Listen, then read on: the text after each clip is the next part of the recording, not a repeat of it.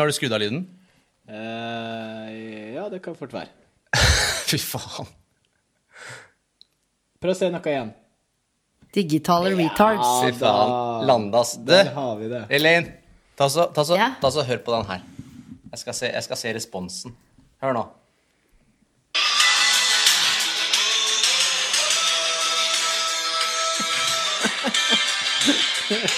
Der kommer den. Får du godfeelinga nå?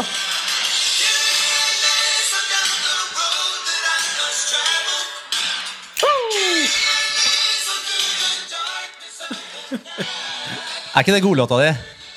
Du, bare det at du huska det, liksom. Brings a tears to my eyes. Det er nydelig. Burde jo Det starta var podkasten. eh, helt eh, deilig. Nå skal jeg bare skru av lyden. Sånn, på mobilen. Eh, dette her betyr jo at dere kan jo være digitale fremover også. Det gir jo en helt annen rekkevidde. Det er helt riktig, og det fortalte du akkurat våre kjære lyttere nå. Det er jo egentlig ganske kult, da. At de får vite at vi, Har vi, driver har vi begynt? Ja, ja, vi starter rett på, vi, Elaine. Det er ikke sånn introopplegg her. Vi er bare Ok, for Kirby, Kirby sitter i telefonen, så jeg sa det kvart på tolv, så må du legge på. Men hvis ikke dere hører han og det er noe støy, så får jeg begynt å ta opp. Ja, ja. Det er helt fint, det. Vil dere, høre, vil dere høre sitatet på kaffekoppen min? Ja, gjerne det. Jeg har vært på vei hjem helt siden jeg dro.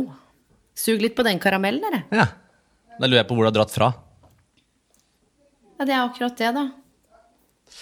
Vi starter dypt i dag, Lande. Ja, det var ganske dypt. Ja, Det har var du, eh, nesten litt for dypt for meg på en mandag. Var det uvant? Ja, jeg er ikke så dyp. Er grunn brønnøyværing, vet du. Grunn sjø. Men uh, Tommy, Tommy har en sånn uh, intro som han pleier å kjøre for lytterne våre. Sånn egentlig. Så du kan jo få kjøre den, Tommy. Yes, det skal jeg gjøre. Eh, ja, velkommen til podkasten Litt for personlig eh, trener med Alexander og Tommy. Og Elaine Bloom. Ja, det er spennende. Det gleder jeg meg masse til. Kjempespennende eh, episode, er det ikke det? Du har i hvert fall gledet deg veldig. Jeg skal ikke si at jeg ikke har, eh, ikke har gledet meg, men, eh, Men det, du men det er ikke du som har gleda deg mest. Du er litt sånn midt på. jeg er sånn midt på. Så det, det, det, det er godt at jeg liksom over tid da har opparbeida en sånn relativt god eh, selvfølelse. ja. For der kunne jeg tenkt sånn Nei, nei, men eh, ja, nei da. Takk for det, Tommy. Men du vet at jeg liker det veldig godt, da. Bak har klokka nå, Tommy? Jeg vet du liker meg. At, vet du liker meg godt, Tommy. Jeg liker deg òg, Tommy. Ja, det er viktig, viktig å få inn noe internt her i starten. Det synes jeg. Ikke sett klokka ennå. Men uh, good. Nei. Bra. Elaine, velkommen. Ja, takk for det. Ja, Det er stas. Jeg har jo overtenning som vanlig. Har gleda meg masse. Og nå har jeg ikke, jeg har ikke prata så mye med deg siden eh, AFPT-kickoff. Nei, vi har eh, sendt noen sånne DMs og noen sånne mails, da. Det- Og noen sånne snaps. Ja, det Eh, stemmer. Men det er jo det. Vi har jo ikke forberedt noe særlig til denne episoden. Du vet ikke helt hva jeg skal snakke om, du vet ikke helt hva dere skal spørre om. Akkurat sånn som livet er generelt. Alt kan jo ikke planlegges til minste detalj, så jeg tenker at vi bare fyrer løs, ja. Så kjenner vi på hvor denne podkasten her er på vei sånn underveis, tenker jeg. Det høres ut som uh, en plan veldig fra mitt uh, ståsted som funker veldig bra, i hvert fall. Ja. Hva, har du snappen til Elaine? Den Nå ble jeg tomme misunnelig her. Dæven, det var Men jeg, eh, det, var- jeg, egentlig så brukte jeg Snap. Jeg, er litt, jeg har ikke Snapchat eller TikTok for øyeblikket. Så når jeg sier Snap, så er det sånn forsøk Jeg blir jo snart 40, da, eller jeg blir 38 først. Men det er sånn forsøk på å virke litt sånn hipp og kul, da. Eh, og si sånn, ja, så han liksom han sendte av gårde en Snap, da. med sannheten at det var jo egentlig bare standard, gode, gammeldagse meldinger og en Messenger. Det er litt og en DM. det er litt sånn som uh, pensjonistene gjør når hun skal gå av gårde. Så sier de ja, vi snappes, og så mener de egentlig vi ses på kafeen etterpå for litt av et år. Ja, Ja. stemmer.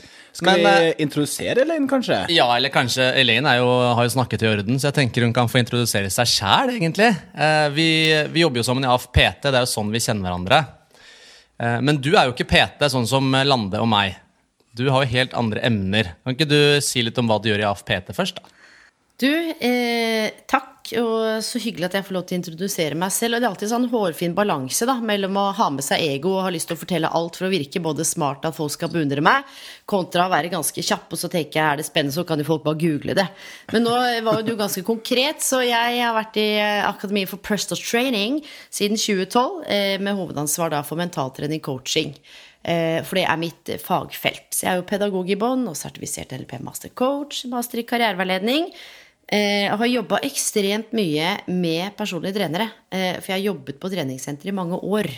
Både som mellomleder innenfor salg og ja, support og på hovedkontoret. Så det er sånn veldig kort fortalt. Så det er den pedagogiske, coachende mentaltrening. Hva er det som skjer med body, mind, soul utover rett og slett det man kanskje tenker av og til når man hører personlig trener, som er et veldig vidt begrep, som også er ganske misforstått, da. Så dette er den mentale delen som eh, i stor grad skal på plass for at det andre skal fungere. Veldig spennende. Vi, vi, er jo mest vant til å trene musklene våre, og de vi kjenner til. Og vi kjenner til latissimus dorsi og pectoralis major og sånne ting. Men eh, sånn tankemønster og hjernen og sånne ting, den må jo trenes, den òg, ikke sant? Mm. Og det er akkurat det som er så fascinerende, i og med at den heter Litt for personlig trener, så er jo det Jeg tenker sånn her, da, og dette tenker jeg faktisk, jeg har faktisk ofte Hvem er det som lærte oss å tenke? Hvis du bare ser tilbake, da, hvor du er, og dere som lytter, og hvor man kommer fra, hvilke narrativer eller historier er det som er styrende? Kanskje kommer du fra et lite sted hvor det har vært sånn at her stikker man ikke til utlandet og studerer, her blir man og tar over gården. Mens kanskje andre deler så er det sånn her er du er innafor her hvis du tar deg høyere utdanning. Ikke sant? Så hvilke tankemønstre, og ikke bare nødvendigvis det som handler om hjernen, men det som påvirker nervesystemet, det som påvirker oss, our soul, og det på liksom det emosjonelle planet hva er det vi har med oss av ja, verdier, overbevisninger, tanker, og hvem er det som lærte oss å tenke? Og ikke minst, dette her bunner ut i kommunikasjon hvordan du snakker til deg sjøl, og da er jeg ofte nysgjerrig på hvor bevisst er du på hvordan du påvirker andre med din kommunikasjon? Og her kommer det hvordan lar du andre påvirke deg? Mm. For når jeg møter mennesker da, i det jeg gjør, som bl.a. er karriereveiledning, mentaltrening, coaching, foredrag, bla, bla, bla, rød tråd av mennesker, så, så, ser jeg bare masse puslespill. da, Brikker. Når jeg sitter overfor et menneske Jeg kan ikke lese folk, jeg har ikke fasiten. Puslespill, men jeg ser også så mange som på en måte er fanga i bur. Sant? Man sitter inne og så tenker 'herregud, du kan egentlig bare dytte opp den bura', eller dirke opp den låsen, eller liksom såpass eh, sprek at du kan smyge deg ut liksom de stengene. Men der sitter man. Mm. Og det er disse burene vi ikke kan se, da. Så det er det jeg er mest eh, opptatt av. Og å fjerne sånn bullshit. Sånn tre trinn for å få flat mage. Eh, det er sikkert kjempemasse fint med det. Men det er sånne quick fixer som folk begynner å bli litt lei av. Mm. Rett og slett. Selv om man klikker på det, så vil man gjerne, litt sånn som dere er, da, nedpå, litt for personlig til høre det nære, det rare, det kanskje litt ubehagelige, det tøffe, det morsomme, eh, som er det å være et menneske, og ikke det derre eh, glorifisert. Og det å jobbe med hjernen, det mentale, for å svare kort, det er jo liksom ikke bare hodet, det er jo fysiologien, men alt henger jo sammen. Mm. Men det virker som alle andre har det så sjukt mye bedre, da, og alt er på stell. Ja. Da er det jo bare tøys. Mm. Det er en del fasade, er det ikke det? Jo, og det er det jo både i bransjen, i, i trenerbransjen. Hvor mange har ikke dere møtt som har de flotteste absa, bare ser ut som de skulle vært på forsiden av alle magasin, og så kommer under huden, og så er det liksom det er trøbbel hjemme, det er eh, utfordringer i forhold til selvfølelse, man vet kanskje ikke hva man vil, man kjenner seg lost. Alle disse tingene som handler om å håndtere livet, da. Mm. Og, og, det å tåle endringer. Og det skal vi snakke litt mer om etterpå, dette med bl.a. overganger. Ja, og endringer kommer til å skje hos alle. Ja, det er veldig, veldig, veldig spennende. Jeg må, jeg må, dra deg tilbake igjen, fordi um, du, du, på en måte, du, du svelger ordene når du forteller hva du jobber med, men det er fordi at så da blir du mer tydelig når du sier at fellesnevneren er mennesker. Eh, og det er det som er viktig for deg, det vet jeg. Det spiller på en måte ingen rolle hvilken arena du jobber med dem på. Eh, men du nevnte jo, uh, nevnte jo, at du jobber med, som karriereveileder. Så du jobber jo da med endring, da. Altså folk som har tenkt å kanskje skifte beite, eller folk som ikke veit hva de skal holde på med, eller Sikkert mye frustrerte mennesker som tror de skal ha funnet svaret på resten av livet når du er i en alder av 21. Eh, underviste senest i helga i AFPT, og da møter du folk som er 20, som sier 'Jeg er så gammel, og ikke har jeg mann, og ikke har jeg barn, og ikke veit jeg hva jeg skal drive med, annet enn at jeg tar PT-utdannelsen', da. Vet du hva jeg hadde svart da? Har du møtt noen av de? Nei, unnskyld. Da, nei, nei, men da akkurat hadde jeg sagt, vet du hva, så spennende. Hvordan er det du rammer inn det du går og forteller deg sjøl, tilbake til hvordan du snakker til deg sjøl, ikke sant. Um, hva slags indre dialog vi har, hvordan det påvirker kvaliteten på, på, livene våre. Og hvordan det på en måte rammer inn også historiene våre. Og da blir jeg alltid nysgjerrig vedkommende som du snakka med. For det første ville jeg kanskje ikke ha spurt dem, men jeg ville ha vært nysgjerrig på hva er intensjonen med å fortelle meg dette her? Hva er det du trenger fra meg når du sier dette her? Er det du, dette kommer til å ordne seg? Er det uff, ja, vet du hva? Er du ute etter sympati, empati? Er du ute etter pep, inspirasjon? Eh, hva er det du trenger? Det er det som fascinerer meg. Eh, som også overføringsverdi til å være personlig trener som skal ned i vekt eller prestere hva er, hva er, det du er ute etter? Hva, hva, er intensjonen? Og det er ofte da ramma inn i vaner, verdier, tankesett, noe som handler om hvordan samfunnet har noen forventninger, bevisst, ubevisst, til hvordan man skal leve. For er det én ting innenfor karriereveiledning, så fint at ikke du veit hva du vil, da. Det betyr jo at du kan kultivere optimisme mot fleksibilitet, åpenhet. Sant? Tidligere så var det jo sånn vi var 50 år i én jobb, og det var sånn du gjør det, og så kommer du dit. Ferske rapporter nå viser at mellom neste 10-30 åra flere hundre tusen i tillegg til covid kommer til å måtte skifte jobb. Etterutdanne seg, bytte jobben sin, endre arbeidsoppgaver, tenke tilleggskompetanse, gjøre noe helt annet. Vi må begynne å tenke både og. Jeg tror det er én ting jeg vil at folk skal huske i dag når vi snakker sammen. Det er at livet er jo ikke lineært. Det er ikke først én og så to. Visste dere for 15 år siden at du skulle ende opp med å lage podkast? Nei. Nei. Visste jeg at jeg skulle skrive for E24 innenfor karriere og ledelse for fem år siden? Nei. Livet skjer, det. Mm. Men det handler om å kunne kultivere nettopp de egenskapene som mot optimisme, og det å være veldig bevisst på hva er det vi er ute etter når vi snakker med folk, og hvordan er det vi rammer inn det vi forteller oss sjøl. For det å ikke vite hva du vil, det er jo en gavepakke. Tenk deg hvor mye du kan utforske. Mm. Men i samfunnet er sånn Herregud, veit du ikke hva du vil?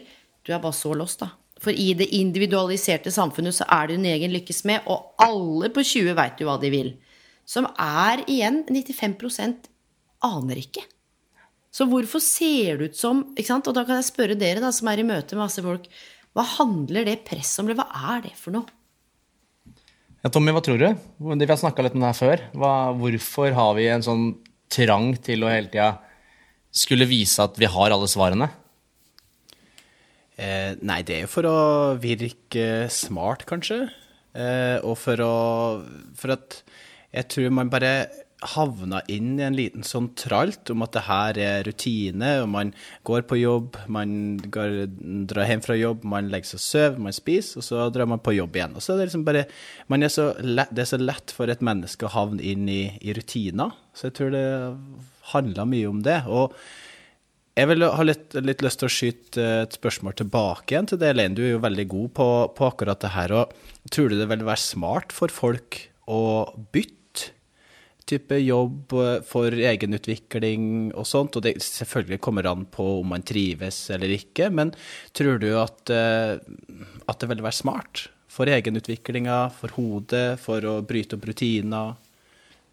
Det er et superspennende og sammensatt spørsmål. Jeg tror mange av de henvendelsene jeg får, handler om 'jeg vet ikke hva jeg vil, hva gjør jeg nå?' Eller så kan det handle om 'åh, jeg har lyst til å bytte jobb'. Og så er det jo så interessant, fordi karriere eh, er jo gjennomgripende på alle arenaer av livet.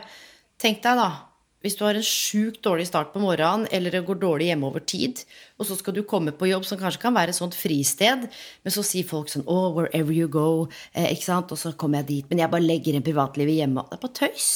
Vi er jo det hele mennesket. Du er et nervesystem her i spenn. Det er akkurat som om Jeg ser for meg sånn når mennesker er ute og, og, og møter hverandre, så er det sånne nervesystemer som, som, møtes. Hvem er det som er litt sånn agitated, som er litt stressa, som er litt på? Ikke sant? Det reagerer kjapt og stressa. Hvem er det som er litt lugne og bedagelig, kanskje har et nervesystem som er i, i vater? Og så er det noen som har det sosiale nervesystemet består av flere ting, alt dette kan dere, men det ene, den yngste delen av nervesystemet vårt ser jo ofte etter farer i møte med andre. ikke sant? Sånn, mm. ok, hva var det blikket? Ikke sant? Så når vi snakker om å skulle eventuelt bytte jobb, så handler det om å kartlegge hva er det det dreier seg om. Vi veit jo ofte hva vi vil bort fra. ikke sant? åh, nå kjeder jeg meg. Ok, men hva er det du vil til, da? Mm. Og så må man jo se på hvordan har dette her overføringsverdi til hjemmebane. Og av og til skal man finne ut at vet du, nå er det så tøft hjemme, og jeg er overbelasta på jobb, men jeg klarer ikke helt å sette ord på at det er det som er hjemme som er utfordringene, så nå har jeg lyst til å bytte jobb. Mm. Eller nå er det sjef som er vanskelig. Så når man begynner å virkelig kartlegge og sortere, og litt sånn Jeg er litt no bullshit. La oss komme til sannheten. For når folk sier til meg 'Elaine, jeg er så stressa', da hører jeg sånn 'Elaine, jeg er redd'. Mm. Det er frykt. Så, så hva, hva er den frykten av og til for å bytte jobb? Jo, det kan jo handle om, som vi vet, komfortsone, økonomi. Det er masse ting her. Og for noen, Tommy, for å svare, så kanskje de må være i den jobben litt til. For akkurat nå så er det en sånn situasjon som gjør at uten penger så er det helt krise. Men se nå på karrieren som et prosjekt, da. Og vite at dette er et halvt år. For folk sier til meg 'Å, gud, nå skal jeg bare holde ut'. Og da tenker jeg Du, hvordan ser det ut når du har holdt ut nok? Sant? Sett deg en deadline, da. Og når vi kommer da til 1. januar, kan du begynne å gjøre noen nødvendige justeringer. Og for all del, begynn å ta noen små skritt underveis. Men du trenger jo ikke si opp jobben og ta helt av. Jeg sa opp jobben min, hadde en fet lederjobb. Spennende, men jeg kjente at det var noe ved det etiske, og jeg hadde mer lyst til å drive for meg sjøl. Jeg hadde jo cash. Jeg hadde jo ikke noe barn. Kunne reise jorda rundt og jobbe med karriereveiledning. Jeg ville aldri gjort det i dag. Men det er lov til å tenke både og. Så for noen kan de bare hoppe ut i det. For andre så tror jeg det også handler om å kartlegge hva er det som faktisk driver meg. Hva vil jeg bort fra, men hva vil jeg til? Kan jeg tåle å være uten jobb en periode? Hvordan gjør jeg det i forhold til inntekt? Gjør litt grundig research for de som trenger det. Mens noen tenker bare sayonara pop, og hopper ut i det. Men det er, ikke, det er ikke tvil om det du sier i forhold til rutiner, at kanskje greit av og til å stoppe opp litt og se hvilke rutiner da, som er kanskje også forankra i vaner, er det som gir meg noe? Og hva er det jeg kanskje tenker at eh, Ikke skal jeg gjøre litt mindre av dette her, eller? Sant? Og vi vet jo det med trening om rutiner og vaner og dørstokkmila, og bare det å gjøre en endring som å bytte jobb, eller bare det å gå inn på et treningssenter, eller ta på seg de joggeskoa. For de som elsker å trene, så er det nesten sånn ufattelig eh, å skjønne at det her det er så dritdeilig å være i skauen en dag uten trening, en dag uten mening. Det er bare tøys. Vi veit jo det. De fleste tenker sånn Å, herregud. Så Så vi er jo så ulike, men vi er ganske like, og vi frykter ofte endring. For det er forbundet med noe ubehagelig. Handler ikke mye av det her ofte om eh, egentlig bare å se eh, hvordan man får dekka noen behov, da, og kanskje bli bevisstgjort på hvilke behov man har? For jeg har tenkt mye på det her sjæl, Elin. på, på liksom, sånn som utvikling, da, som jeg har definert som veldig viktig for meg. Fordi eh, hvis jeg skal være veldig personlig, så har jeg bl.a. i tidligere forhold skapt utfordringer. Dvs. Si jeg har vært med å bryte ned ting bare for at det skal utvikle seg, sånn at det kan bygge opp igjen. Um, så det, og det, det mønsteret ser jeg hos mange kunder innimellom når vi sitter og prater og har fine samtaler, og sånn, så er det en del som, som driver og ødelegger ting bare for å få lov til å begynne å bygge igjen. Eh, men så er det jo sånn at det er ikke sikkert at alle aspekter i livet kommer til å gi meg like mye utvikling samtidig. Eh, For det virker sånn innimellom at folk tror at de skal liksom få dekka alle behova sine på alle arenaer i livet til enhver tid. da. Hva, hva tenker du om det? Har du vært borti lignende? Du, jeg tenker flere ting. Ja. Det du beskriver nå med å, å, å skape kaos, altså ubevisst da, eh, det handler jo om mønstre. Og dette jeg snakker så lite om. Jeg bruker det mye i karriereveiledning. Jeg snakker om det, jeg underviser, eh, foreleser, er i møte med mennesker. Ikke sant? Avhengighet, iallfall for rus og alkohol, det er litt sånn opp i dage. Dette veit vi jo, det er klinikker. Og emosjonell avhengighet. Wow! Ok, dette her er sju podkastepisoder igjen.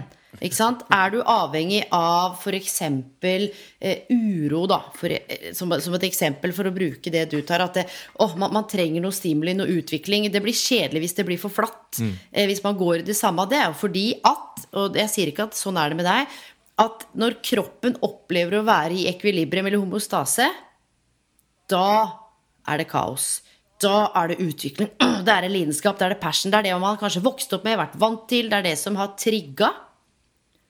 Så når det blir helt rolig, og det ikke skjer noen ting, og forholdet funker, og katta spiser maten sin når vi går på jobb, så er det sånn Åh, dette her er nesten litt sånn uvant eller ubehagelig. Nå må det skje noe. Så du har på en måte dette med og, og, og Kaos er én. Jeg ser jo jeg har jobba med folk som har fått sparken faen meg gang etter gang. Og det er sånn at det var ikke meg. Og det er ikke alltid det er deg. Men når man mønstrer, handler jo om at noe repeteres over tid, og kanskje gjerne ubevisst. Det er litt sånn at det sjette arbeidsforholdet, da. Kanskje begynne å tenke på du, hva, hva kan din rolle være oppi dette her? Og her handla det om at vedkommende, når vedkommende var i på en måte ekvilibrium, eller var i, i sin sone, liksom hadde det trygt, så var det når det var konflikter, og når vedkommende på en måte blei sparka, eller noen ville ikke ha. Så det at noen ikke ville ha meg, det var jeg vant til i oppveksten. Dette mønsteret kjenner jeg igjen, selv om det er helt psyko å høre på og si det høyt. Dette mønsteret er kjent for meg. Åh, nå kan jeg puste litt, for jeg vet i hvert fall hvordan jeg skal forholde meg til det. Men det å være rundt noen som liker meg, som setter pris på meg For her må jeg jo skape noe drama. Dette takler jeg jo ikke. Så det er på en måte Og så har du stress. Folk som løper rundt, og dette har jeg sett innenfor karriereveiledning i intervjuer, så er det ofte spørsmål som er hvordan håndterer du stress og press? Og elsker stress og press. Da kjenner jeg sånn er er du helt fjern, eller? Det er vel ingen som orker stress og press. Hva gjør du på fritida? Nei, det er ikke så viktig. Med mindre det er en sånn type jobb som er avhengig av å ligge på intensiven og bare få sant, inn i åra kortisol, adrenalin, intravenøst, binyrene pumper. Her er det go, go, go 17 timer om dagen. For det er det man er vant til. Så når all støyen og stresset, og kanskje man blir viktig gjennom å holde på å jobbe masse og være noe for andre, som leder eller gud veit hva, så blir det ubehagelig. Så ja, men du må slutte å stresse, du blir snart utbrent. Og ja, men det ligger noe som gjør at vi ikke klarer å se at shit, jeg er avhengig av stress. Altså på et sånt emosjonelt plan. Samme er det å være avhengig av ros. Eller det å gjøre seg liten. Kanskje forsvinne i mengden. som folk sier du, ja, hvordan er det med deg? Nei da, det er ikke så viktig. Jo, jo, men det er klart du er det. Nei, nei, ikke sant? Så det er mange, Dette kommer til uttrykk på så utrolig mange områder. Og dette her kan, Er det lov til å banne?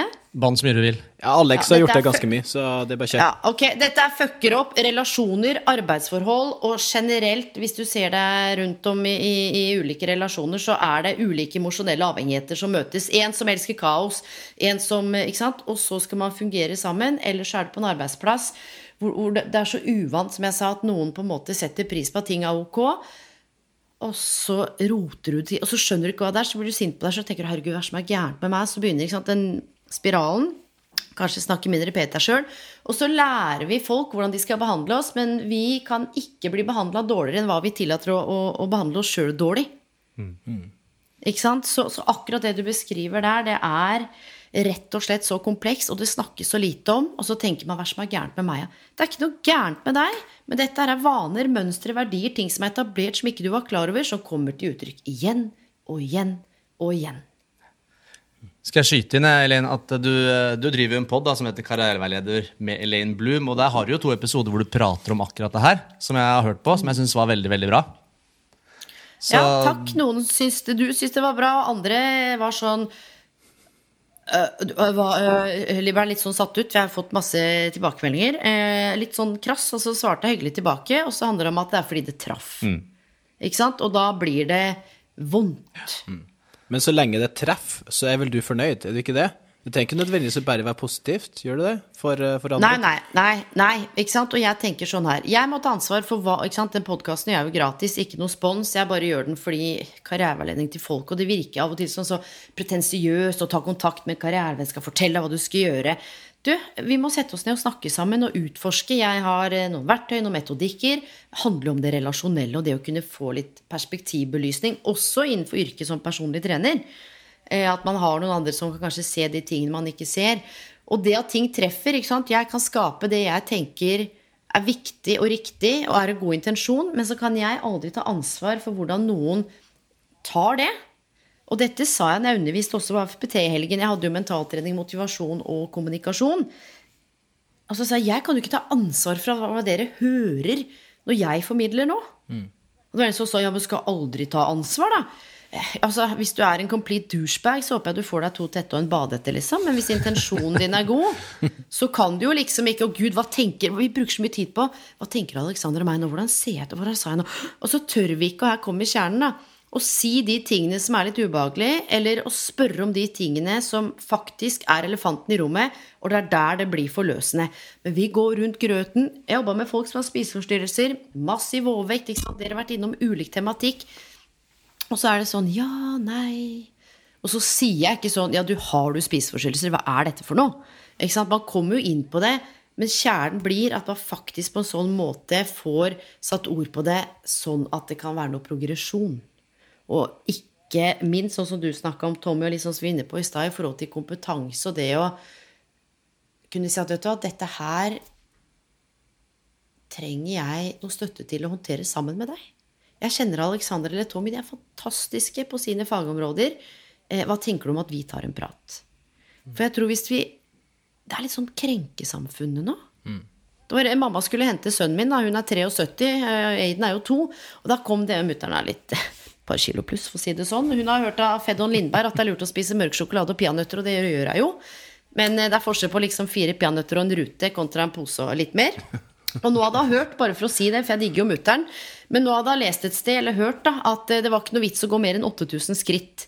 Da maksa du ut. Da, da fikk du liksom den effekten. Og det som er fascinerende, er jo ikke sant, hva er det som fins der ute av ting vi leser, ting vi hører, og hvordan hun tar inn det. Jeg tipper at det sto i den artikkelen at skal du liksom få en ok effekt, så kanskje 8000 holder hvis du er nybegynner, eller skjønner du, men da var det maks 8000, og en pose peanøtter, da er du på glid. Så det er jo hvordan vi liksom forholder oss til de tingene som blir sagt. Og jeg er litt rebelsk. Jeg er så lei av at vi skal være så forsiktige. Uff og nei, og jeg har alle det bra. Faen, vi må riste litt i ting noen ganger, ass. Det her elsker jeg, Ja, det her er kult. Det er veldig Det er deilig. Ja, men nå kjenner jeg at jeg fyrer meg. Ja, det, er, jeg det er så bra, Elin. Men du, jeg blir Vi liker det her. Jeg er veldig nysgjerrig Jeg er veldig nysgjerrig på én ting nå, Elin. Ja. Eh, for du er, så, du, du er lidenskapelig opptatt, det hører jeg jo. Og ser.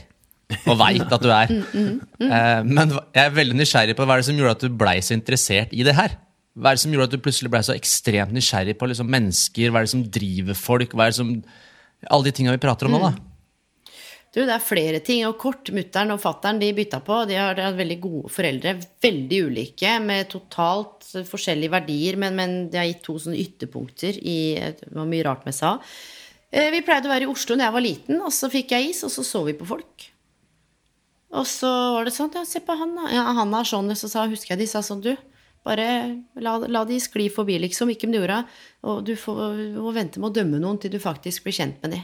Det kan være noe med stresskoffert som er verdens verste. ikke sant? Og det kan være en på, med knekk i plata som eh, egentlig er Eh, Så det husker jeg. Og så husker jeg da jeg var 13 år, da var det november, og da hadde det snødd ute, eller begynte å snø. Romsterte noe helt sånn sinnssykt i gangen hjemme, og jeg sto opp og bare Hva som foregår? Og der står fatter'n i gangen. Svære, brune øyer. Lue. Jeg husker til og med skjerfet hans ennå, sånn sennepsgult og svart. Full påkledd bobledress. Eh, kartbok. Så sier jeg 'hvor skal du?' Så sier han bare 'go back to bed'. Så sier jeg 'men hva Han er engelsk. Ja, men hva og jeg maste jo. Da, da blir jeg med. Så sa han vet du, jeg mista jobben. Eh, Det er vel halvannet, to måneder siden. Vi har ikke sagt noe til deg, så jeg skal ut og gå med avisene på natta.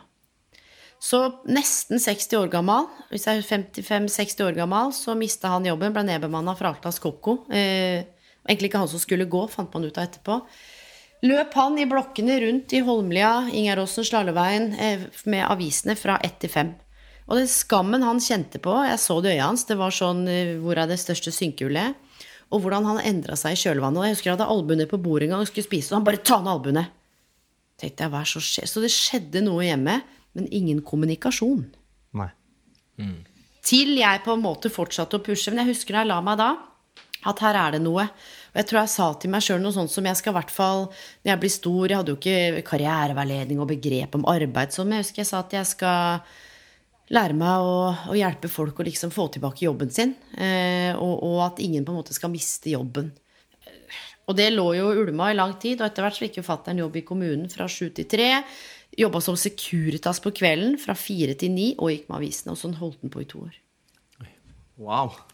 Stanley Bloom ikke sant? sendte ut eh, 2000 søknader og fikk ikke napp. Så det var sånn han gjorde det til han fikk en plass på Næringsakademiet. Han er dritskarp. Han leser Thomas Piketty og sånne bøker de fleste av oss bare ikke helt skjønner. Og så leser han de fem ganger, og så bare er han Han burde hatt en doktorgrad i økonomi og politikk, men har aldri fått levd det ut.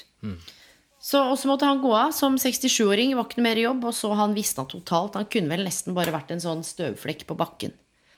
Så jeg starta jo selskap da i 2011 blant annet. Eh, ansatt han som regnskapsfører. Eller mm, han er dritstreng, altså. Det er jo så slitsomt. Han er så nøye.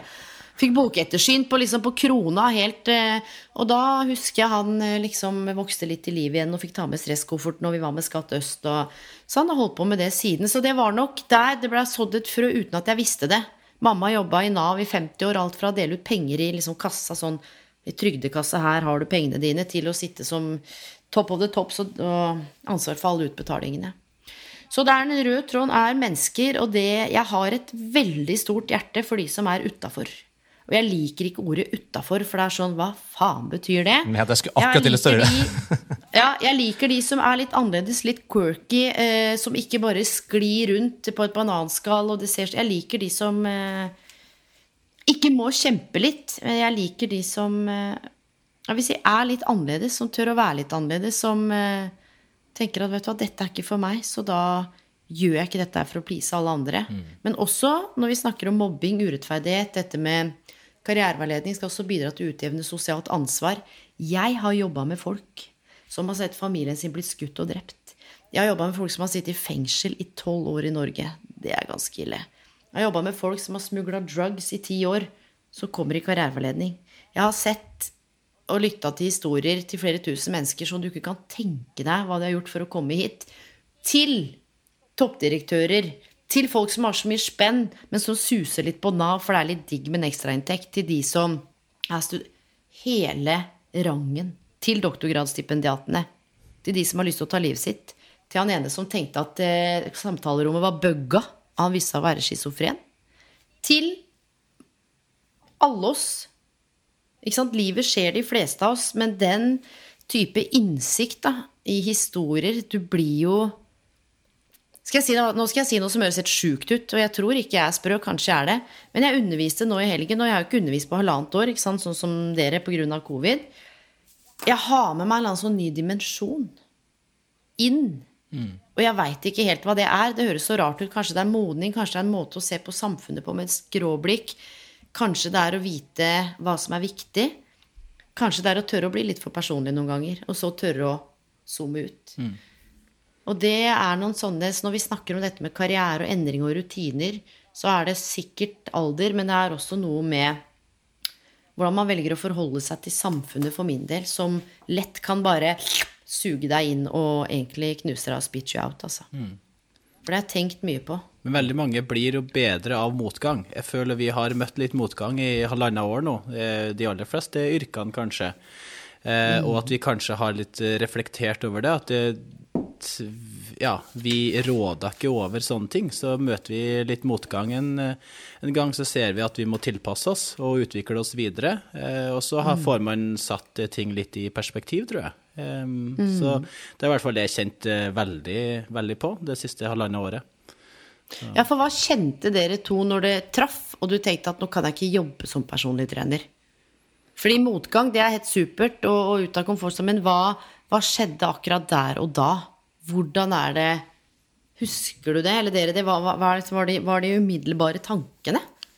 Um, for min del, så Jeg kan jo bare snakke for meg sjøl. Og det, det handla det, den- ja, det traff jo som lyn fra klar himmel. Husker vi var i, i Dubai på en treningsreise, og da vi kom tilbake igjen, så var livet snudd eh, på, på hodet. Og vi, vi skjønte vel egentlig ikke hvor hardt det her kom til å treffe oss, og hvor lenge det kom til å eh, treffe oss. Men det, vi følte jo bare at vi måtte tilpasse oss det som hadde skjedd, og prøve å gjøre det beste ut av situasjonen. Så jeg har jo stått eh, ute i pissregn, jeg har stått ute i tre minus, jeg har eh, stått ute og bitt uh, fingre, og jeg har bare vært helt superfrossen og vært uh, varm, og man bare går gjennom det aller meste for å gjøre det, det vi kan gjøre for kundene våre.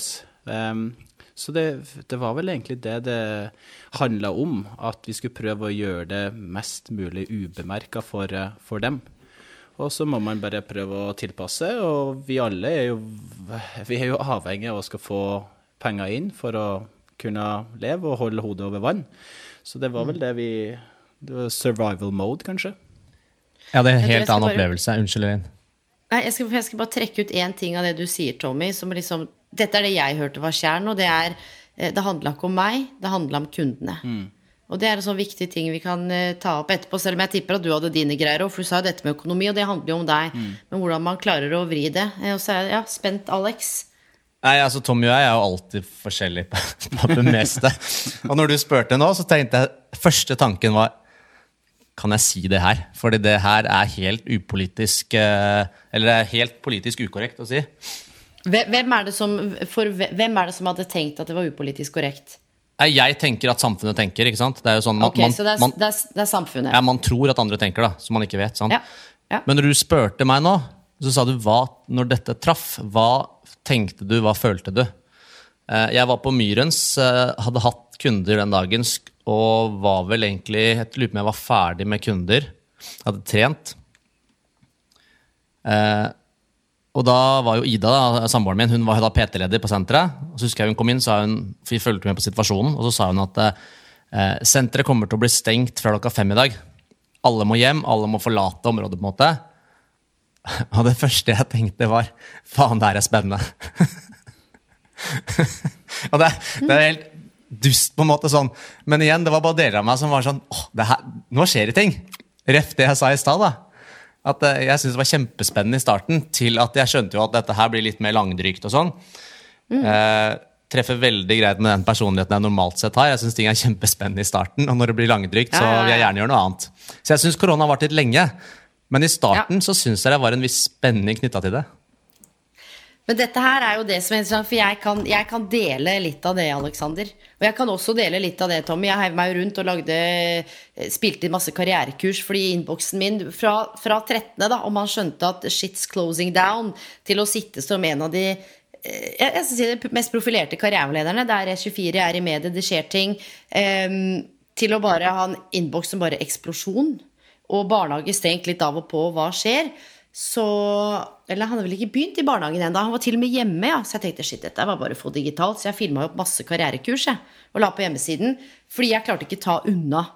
Og jeg tenkte herregud, ålreit, og samboeren hjemme. Og, og dette var litt spennende. Hva gjør vi nå? Ikke på vegne av liv og helse, selvfølgelig, men ok, man står og prater om endring. Og, ja, hvordan er det å leve det, da? Hva skjer det when the shit hits the fan? Og det er lakmustesten på integritet. Ass. Vi står og prater og tuller og tøyser, og ja, gjør vi det sjøl? Og det var det jeg kjente at ja, det gjør jeg. Så jeg kommer i avisa her og bare Bloom hiver seg rundt i pandemien. Ja, det gjorde jeg. Og det var det jeg tenkte. Dette her er starten på et eller annet nytt. Og det var det jo. Men nå er vi inne på noe som jeg tror også er litt av kjernen i hva skal vi si, episoden, da, for man snakker om endringer og endre livsstil, og koronaen kom, og endringer er ofte noe som er ytre. Det kan selvfølgelig være at man ønsker en indre endring, og det er jo ofte det òg. Men endringer, da, her er hele poenget, hvor, uansett hvor de kommer fra, de propellerer oss inn i en overgangsfase som handler om de psykologiske prosessene. Så når korona traff, så er det ikke sånn shit, nå ble jeg deppa, alt er mørkt. Ja, det er jo ikke så rart, det, for du er i starten av en overgangsfase som du ikke helt skjønner at du er i. Og så er det folk som kommer ut i andre enden og bare Ja, ja, men det ordna seg. Fordi det er en prosess. Og hvis vi liksom overordna da sier at den består av tre deler, så når noe inntreffer, enten det kan godt være at du skal ned på treningssenter og komme i form, gå ned i vekt, tre Altså det som koster litt da når det skjer noe, så må du gi slipp. Det er det første fasen. Du må gi slipp på kanskje din identitet. Jeg er personlig trener på gulvet. Jobber som det. Jeg gjør dette. Jeg De fleste som kanskje eh, har vært overvektige over lang tid, har jo også ubevisst identitet på det. Og det å skulle gi slipp på en sånn identitet som har gitt deg noe så lenge, for vi gjør jo ingenting uten at det gir oss noe. Det er jo som å bare få en kniv tvers inn i ribbeina opp og ned. Så det handler om hva må du gi slipp på. Det er det kjente. Status, identitet, verdier, sorg. Altså dette her er forbundet med traumer for mange, det. Å gå fra noe til noe annet. Og vi kommer til å måtte møte og håndtere overgang i hele livet. Fra du er liten til barnehagen, barnehagen til eh, barneskole, barneskole til ungdomsskole, ungdomsskole, videregående, videregående, kanskje høyere utdanning, jobb. Ut fra et forhold, inn i et forhold. Hva er det som ofte skjer da, hvis vi bare trekker den parallellen? Jo, du må gi slipp på det som er verdt. Selv om du gikk, eller om det var den andre som gikk, så må du gi slipp. Og du var en del av noe. Det, masse følelser. Og her sliter folk med å liksom bare være. For i samfunnet Vi må forte oss så fælt. Vi må videre. Ja, det, Men det å tåle det her, og klare å bearbeide det, da skal jeg si det. Da skjer det ting. Og det er bare den første fasen. Ja, du skulle si noe? Nei, det er akkurat det du sier der. da. Det er jo på en måte Fordi man er alltid ute etter du vet, alle artikler, alt som skrives og ting som blir, blir vist, så er det alltid sånn Her er verktøyene for å løse det. ikke sant? Man skal alltid komme seg Ja, ja. ut, man skal alltid fikse ting. Ja. Nå prater du om på en, måte, en sånn slags stayerevne i ubehaget. da. Altså det å tåle å stå i noe. Det blir ikke prata like mye om det. Det er alltid sånn Hvordan skal vi Hvordan skal du komme deg videre? Men Mm. det å faktisk bare tåle å ha det litt jævlig, er jo dritviktig. Og da å ikke bare sitte aleine med det. Og så må man jo se på nå graden av hvor alvorlig er det dette blir. For nå snakker vi ikke om der det er så mørkt at, at vi hadde tenkt her må man kanskje koble på noe. Men der man kjenner de sånn vanlige, normale i hermetegn for å være normalt. For å bruke et språk da, som ofte brukes som egentlig Ja, faen betyr det? Men hvor, man, hvor det er på et sted hvor det er håndterbart, da. Eh, og det å kunne snakke med noen om det, sette ord på det, eh, om du leser, tar deg hvordan enn, men du bare skjønner at faen, nå er det litt dritt. Og det er helt greit. Og så må jeg bestemme, da skal jeg ha det dritt i Da er liksom prosjektdritt. Det er en, en måneds tid. Det kan jeg tillate meg. Og så, etter man på en måte har kjent på dette, kanskje bearbeida, prøvd å forstå hva er det dette dreier seg om, så beveger man seg over i fase to, som heter den nye begynnelsen. Så første liksom er å gi slipp. Nummer to er eh, en ny begynnelse hvor man er totalt lost. Her snakker vi limboland. Eh, Det nye er ikke etablert, det gamle er ikke sluppet. Litt sånn som skal du gå på Tinder når det akkurat har blitt slutt? Hvor lenge skal du vente? Det er masse følelser og tanker. Og du kan bare hoppe i det, men det er kanskje ikke det du vil. Så her er det viktig å begynne å sette seg bitte små mål. Den ti minutter løpeturen, drikke det glass vannet, kanskje ta det kafébesøket, titte på Finn. Eh, disse små tingene som er håndterbare. Og her må man ikke forvente for mye av seg sjøl, for her er det liksom mestringstro. Det er ikke her du nødvendigvis løper på et jobbintervju, og dette har jeg sett så mange ganger. For jeg satt digitalt og var med i et jobbintervju, nettopp fordi jeg jobber jo med ja, mange forskjellige deler av karriereveiledningsprosessen. Og det bare oste ut at han var liksom på nivå én. Skjønner du? Og han var så bitter. Og fy faen, arbeidsgiveren. Og det var bare sånn, Han sa alle de riktige tingene, men, men det derre lille Bare glem det. Ikke sant? Så det handler om å ha et avklart forhold til det. Og etter hvert som man har vært der, så vil man sakte, men sikkert kanskje begynne å se lys inne av tunnelen gjennom disse små, daglige, banale tingene. Og her kommer det. Hvorfor jeg tror livet er utfordrende for mange, er at vi har slutta å stole på oss sjøl. Og hver gang jeg lager en avtale med meg sjøl om det er å drikke et på morgenen og ikke gjøre det, eller skal behandle meg selv litt bedre, eller sende en mail og ikke gjøre det Når jeg bryter avtalen med meg selv nok ganger, ubevisst, jeg er ikke viktig, og nummer to, hvordan i alle dager skal jeg stole på meg sjøl når jeg står overfor valg av partner, karriere, kanskje noen av litt sånn store, tunge avgjørelsene. Og jeg må snakke med en ekspert som skal fortelle meg hvordan jeg skal gjøre det. Sant? Her handler det om å bygge tillit til seg selv. Stole på at du er verdifull nok, selv om det er sånn 'Gud, du er så bra som du er', je, je. Men det er det det handler om i den fasen. Sakte, men sikkert så vil man bevege seg over i fase tre, som er en ny begynnelse. Der, og her kommer nøkkelen, der er man åpen for input. For hvis du kommer til meg, Alex, og akkurat har mistet jobben, og sier ja, men 'herregud, dette ordner vi', du er så flink, du', nå setter vi i gang. Hvis ikke jeg anerkjenner at du Faen, åssen er det akkurat nå? Hele bøtteballetten. Altså, kom igjen, da. Vi går en tur. Få det ut. Du, Ja, det er så bra du sier det her, Elin. Fordi det, det du sier egentlig, du gir liksom litt sånn Du ligger litt sånn mat i de her eh, klisjeene som alle har hørt om, som det skrives bøker om. Sånn, du, Jeg kan jo skrive en bok som heter 'Re opp senga, få orden på livet ditt'. på en måte. Ikke sant? Ja, det, er sånn, ja, ja, det er det du hører. da. Stå opp, re opp senga, og så vinner du dagen. Men det er så mye som ligger bak de her små seierne. Det som du sier da, De bitte små målene. Det å klare å faktisk eh, kunne huke av at faen, det her fiksa jeg. Jeg gikk ti minutter i dag. Og det klappe, og det skal jeg klappe meg selv på skulderen for og være happy med. Og det var de ti minuttene, ikke tolv eller ni. Men du går ti minutter hver dag. Ikke noe sånn 'nå så blir det 12 og 13, for jeg skal et sted'. Og det er det derre nå skal vi. Og jeg er blitt sånn fan av Bare stol på prosessen, da. Og det er ikke Det er litt sånn du er akkurat der du er. Eh, For noen, ja. Og for andre så er det sånn Åssen i all verden havna jeg her? Og det er ikke alltid det er så viktig å finne ut hvorfor, men det er det å tåle seg sjøl. Tåle at livet ikke er så digg, og vite at på et eller annet tidspunkt så blir det kanskje bedre, men jeg må gjøre noe. Og det jeg har sett de siste tolv åra i møte med folk, det som skiller de som lykkes, da, for å bruke det begrepet som man må definere hva suksess og lykke er sjøl, fra de som ikke gjør det, det er de som gjør. Det er kanskje de som rer opp senga, da. Men har du redd opp senga hver dag i 30 dager, så kommer du til, uansett hvor sinnssykt banalt det er, å kjenne på en tilfredsstillelse. Og da kan du kanskje begynne å drikke vann. Og ha det glasset. Ok, Da har du to måneder hvor du har bygd opp tilliten til deg sjøl. For nå vi lyver til oss selv, som vi gjør veldig ofte, og altså er det forska på en sånn 20 ganger i snitt til hverandre i løpet av dagen hvis vi er i møte med folk Kroppen merker når vi ikke er ærlige. Og det er derfor det er så tøft å stå i den fasen for du må sette deg ned. Faen, begynn å stille deg selv de kjipe spørsmålene, og hva skjer da? Da må du forholde deg til svara, da. Og da, ikke sant, det er jo der endringen skjer. Men vi er så opptatt av å komme oss fram, og det skal vi, og det er mål med trening og mål med karriere. Noen ganger så sier jeg til folk kanskje karriereplanen din handler om å tenke på hva er det du ønsker deg. Og være litt nysgjerrig på hvilke alternativer du har for å komme dit. Og bare legg merke til at når du går, da, så er du på vei. Det vil utkrystallisere seg. Det er i hvert fall i dagens samfunn nå som er litt ukontrollerbart uoversiktlig, og mange skal mene så mye. Så jeg slår et slag for det at det, det er helt greit ass, å kjenne på det, men også vite at uh, søk hjelp, men samtidig det er små ting man kan gjøre for å bygge opp den tilliten til seg sjøl.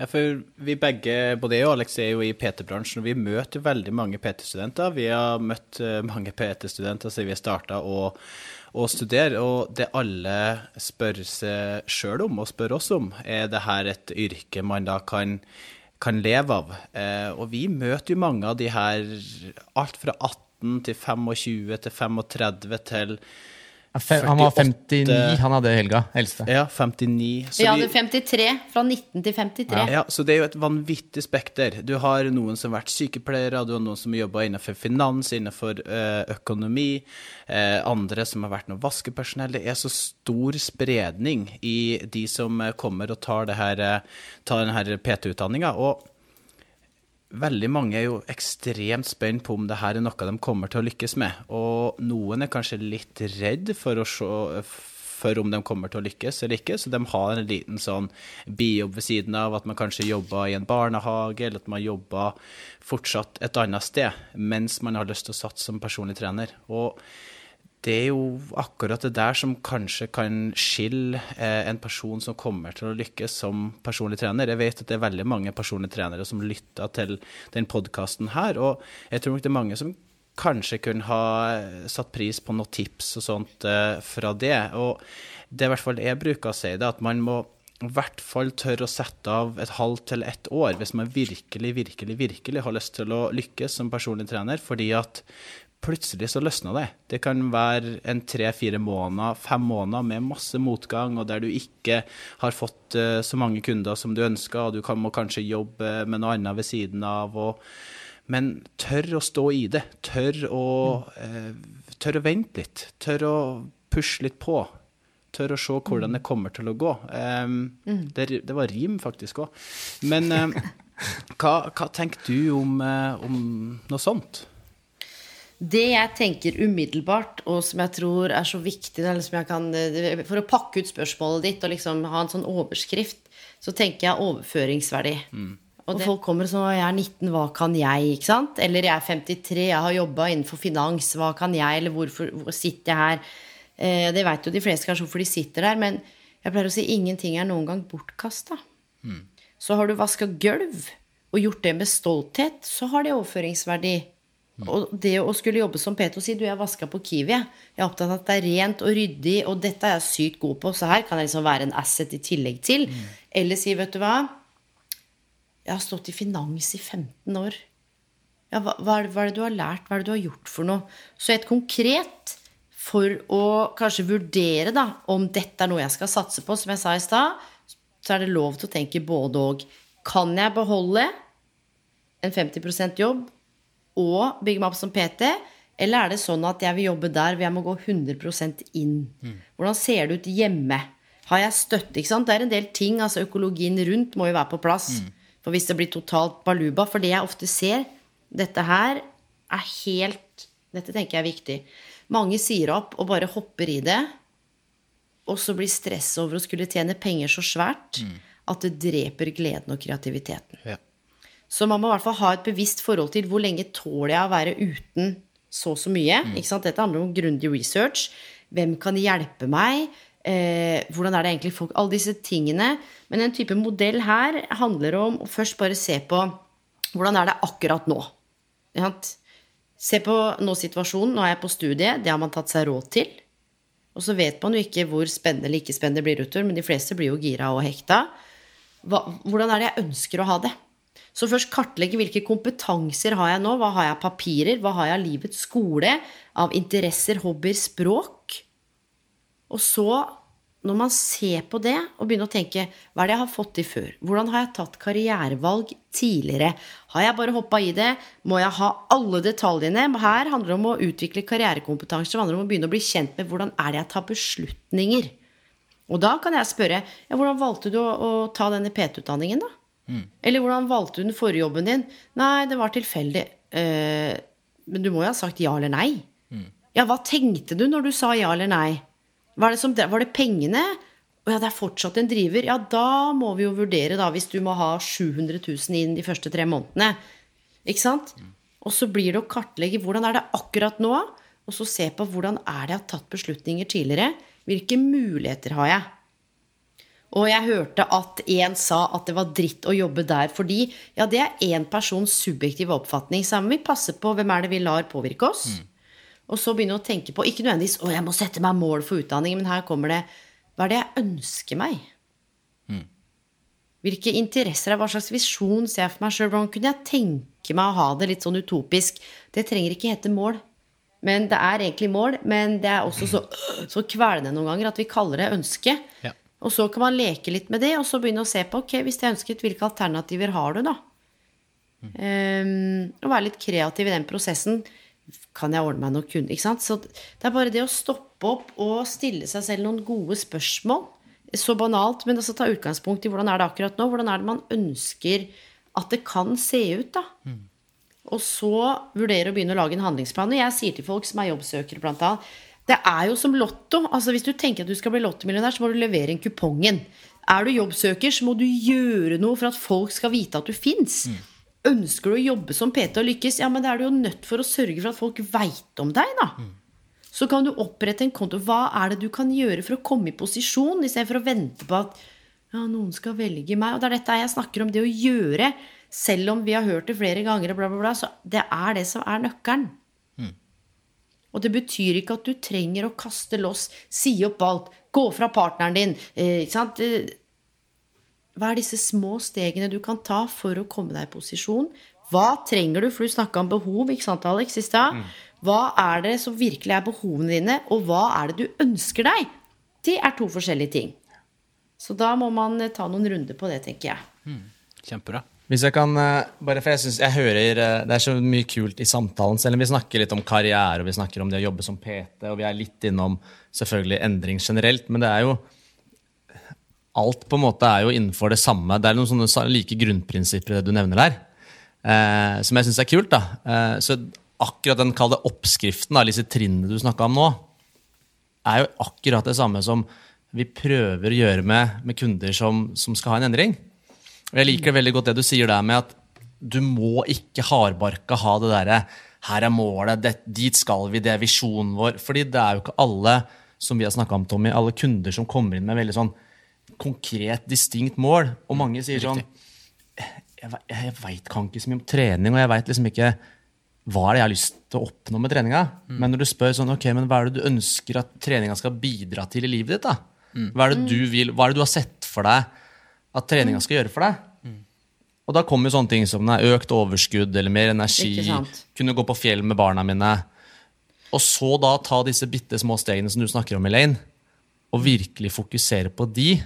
Eh, men igjen, da. Jeg syns det var sjukt interessant det du sa i stad. For her møter du mennesker som allikevel ikke gjør det de sier de skal gjøre. Og der er vi kanskje inne på den identitetsbiten, det å gi slipp. Det å tørre å faktisk gå fra det som er kjent. Ja, og jeg tenker det er både identitet og når vi snakker om målarbeid, som at folk veit ikke, men husk at det er også mange som har et eh, ambivalent forhold til å sette seg mål. da. Man har satt seg mål om å gå ned, og så har man jordslankere, man har satt seg mål om det, og så har man ikke holdt det. Og da, hva skjer? Man har brutt tilliten til seg selv. Så hvor er mestringstroa? Så på en skala fra 1 til 10 er det viktig for deg å komme i gang og trene? Hell yes. Ok. Hvor motivert er du på en skala fra 1 til 10? Ok, eh, I hvilken grad har du liksom tro på at det er mulig å gjennomføre, eller mestringstro? da? Tre. Å, så da er det jo ikke så rart at ikke du gjør det vi er enige om, eller det du tenker, fordi Bandura sier jo det, en sosial altså, ja, læringsteori, samme det. Han sier altså dette med self-efficacy. I hvilken grad har du tro på at du er i stand til å mestre? Og da kan man jo se på sånn som jeg har jo jobbet med som var veldig overvektig, jobbet med det mentale, og det bare funka ikke med PT og det ene og det andre. Men det vi fant ut av, ubevisst, var at eh, det at vedkommende spiste eller på en måte hadde Det er jo ikke det at det nødvendigvis var det hun ønska seg, men eh, jeg vil bare si det rett ut. hun, dette er hennes ord. eh, Jeg er såpass tjukk fordi det er mitt skjold mot verden. Det er min beskyttelse. Jeg kan ikke bli såra. Ingen vil slippe inn meg. Så jeg får ikke sluppet noen inn. Og dette er langt tilbake til hun var 14 år. Så var det en hendelse som gjorde at hun begynte å spise, for på den måten holdt hun folk på avstand. Så da har man jo en identitet. ikke sant? Vi gjør jo ingenting uten at det gir oss noe, så det ligger jo noe der. Så bare å løpe rundt og trene og spise og følge denne planen og Alt i henne var jo saboterende i forhold til at dette skal vi ikke, fordi dette er skummelt og utrygt. Jeg har jo ikke en identitet på dette, for hva hvis? Så blei vi enige om at hun var jo 44 nå, og direktør og ganske flott og oppegående dame. Skal vi da tilbake dit når hun var 14?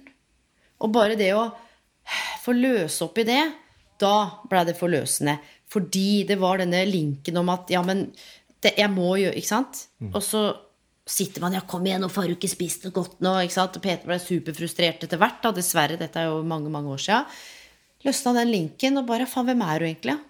Og bare finne ut av at dette var jo et motsvar på livet når hun var 14 år. Og det var skam, og det var ting som lå under der.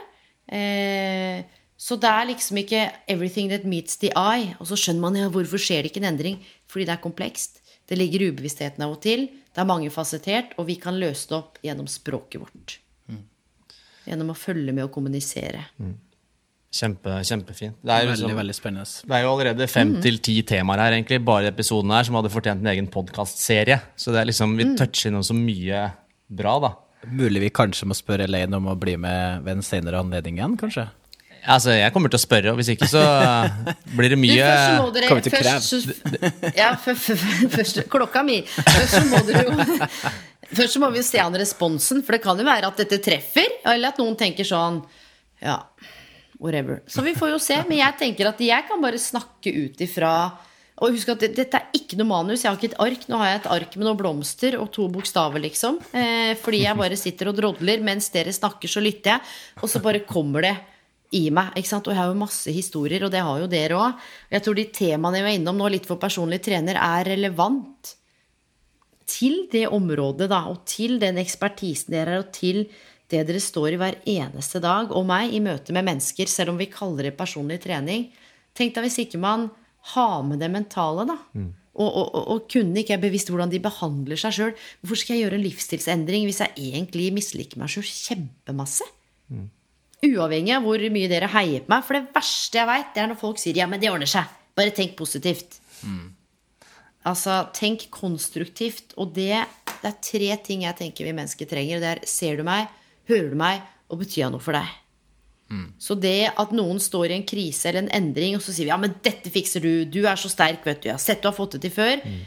da er jeg og møter det mennesket ut ifra mitt ståsted. Og kunsten i all hjelpekunst er jo nettopp det å møte andre mennesker der det er, så godt man klarer. Da. Mm. Kjempebra. Veldig bra, Helen. Det har vært en uh, hvert fall for min altså Det viktigste premissene for den podkasten er at Tommy og jeg skal ha det hyggelig. Det er på en måte det som ah, ligger i bånn. Og jeg har hatt det drithyggelig, Tommy. Har du? Jeg har hatt det veldig, veldig Og lært masse? Trivelig. Ja, absolutt. Masse, masse, masse. Og er jo Jeg skulle til å si at det er en mann av få ord. Jeg er vel en mann av ganske, av, av ganske mange ord. Eh, men kanskje ikke så flink til å beskrive. Eh, så jeg syns du er utrolig smart. Veldig imponert eh, over det. Og eh, det er vel Ja, det er så masse jeg har lyst til å si, men som jeg ikke klarer å, å få ut. Men vi får eh, konkludere med det at jeg er veldig, veldig imponert over hvor smart eh, du er. Og eh, ja, jeg, jeg syns det har vært kjempebra. Lært masse. Jeg kan legge til noe av det Lene er best på. Ja. Det er å sitte og prate eh, Ola Halvorsen kebabnorsk sammen med meg når vi spiser middag. Skal dere kjøre en liten trall? Ja, fy fader, du. Det Det får bli på del to, ass. Ja, det blir del to. Da får vi kjøre noe av det. Men, men men jeg må si, Tommy, det er fascinerende at du veit at du er en mann av mange ord, og eh, jobber med å finne ordene. Og så skal jeg si takk for veldig fine ord. Eh, og vet du hva, jeg også har kost meg. Dette var et sånt dette kunne jeg se for meg gjort hver mandag. Altså skjønner du, Nå er min egen podkast, kanskje dere må komme på den. Men, men, gjort, at, jo, men det gir jo energi, og det er viktige temaer, og vi treffer folk på ulike plan. Mm. Men vi mennesker er ganske like òg, da. Mm. Så det er sikkert noe de fleste kan kjenne seg igjen i. Sånn avslutningsvis, kan jeg få lov til å utfordre deg på én kjapp ting? Mm. Så bra. Eh, vi har jo hatt eh, tidligere gjester her, og eh, det har vært sånn at eh, gjesten skal da eh, si topp én til to beste treningsøvelser og topp én til to verste treningsøvelser. Er det noe du umiddelbart kommer på? Nå har jeg lyst til å liksom si noe skikkelig sånn fancy.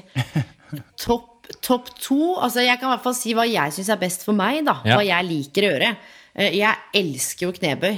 Fordi det er, det er jo mestring er bygd opp over tid. Så den knebøy, den syns jeg er nice. Og så liker jeg også bulgarsk. For der må jeg pushe Oi. meg litt. Ja, ja. ja. Eh, Topp to Generelt alt som handler om mage.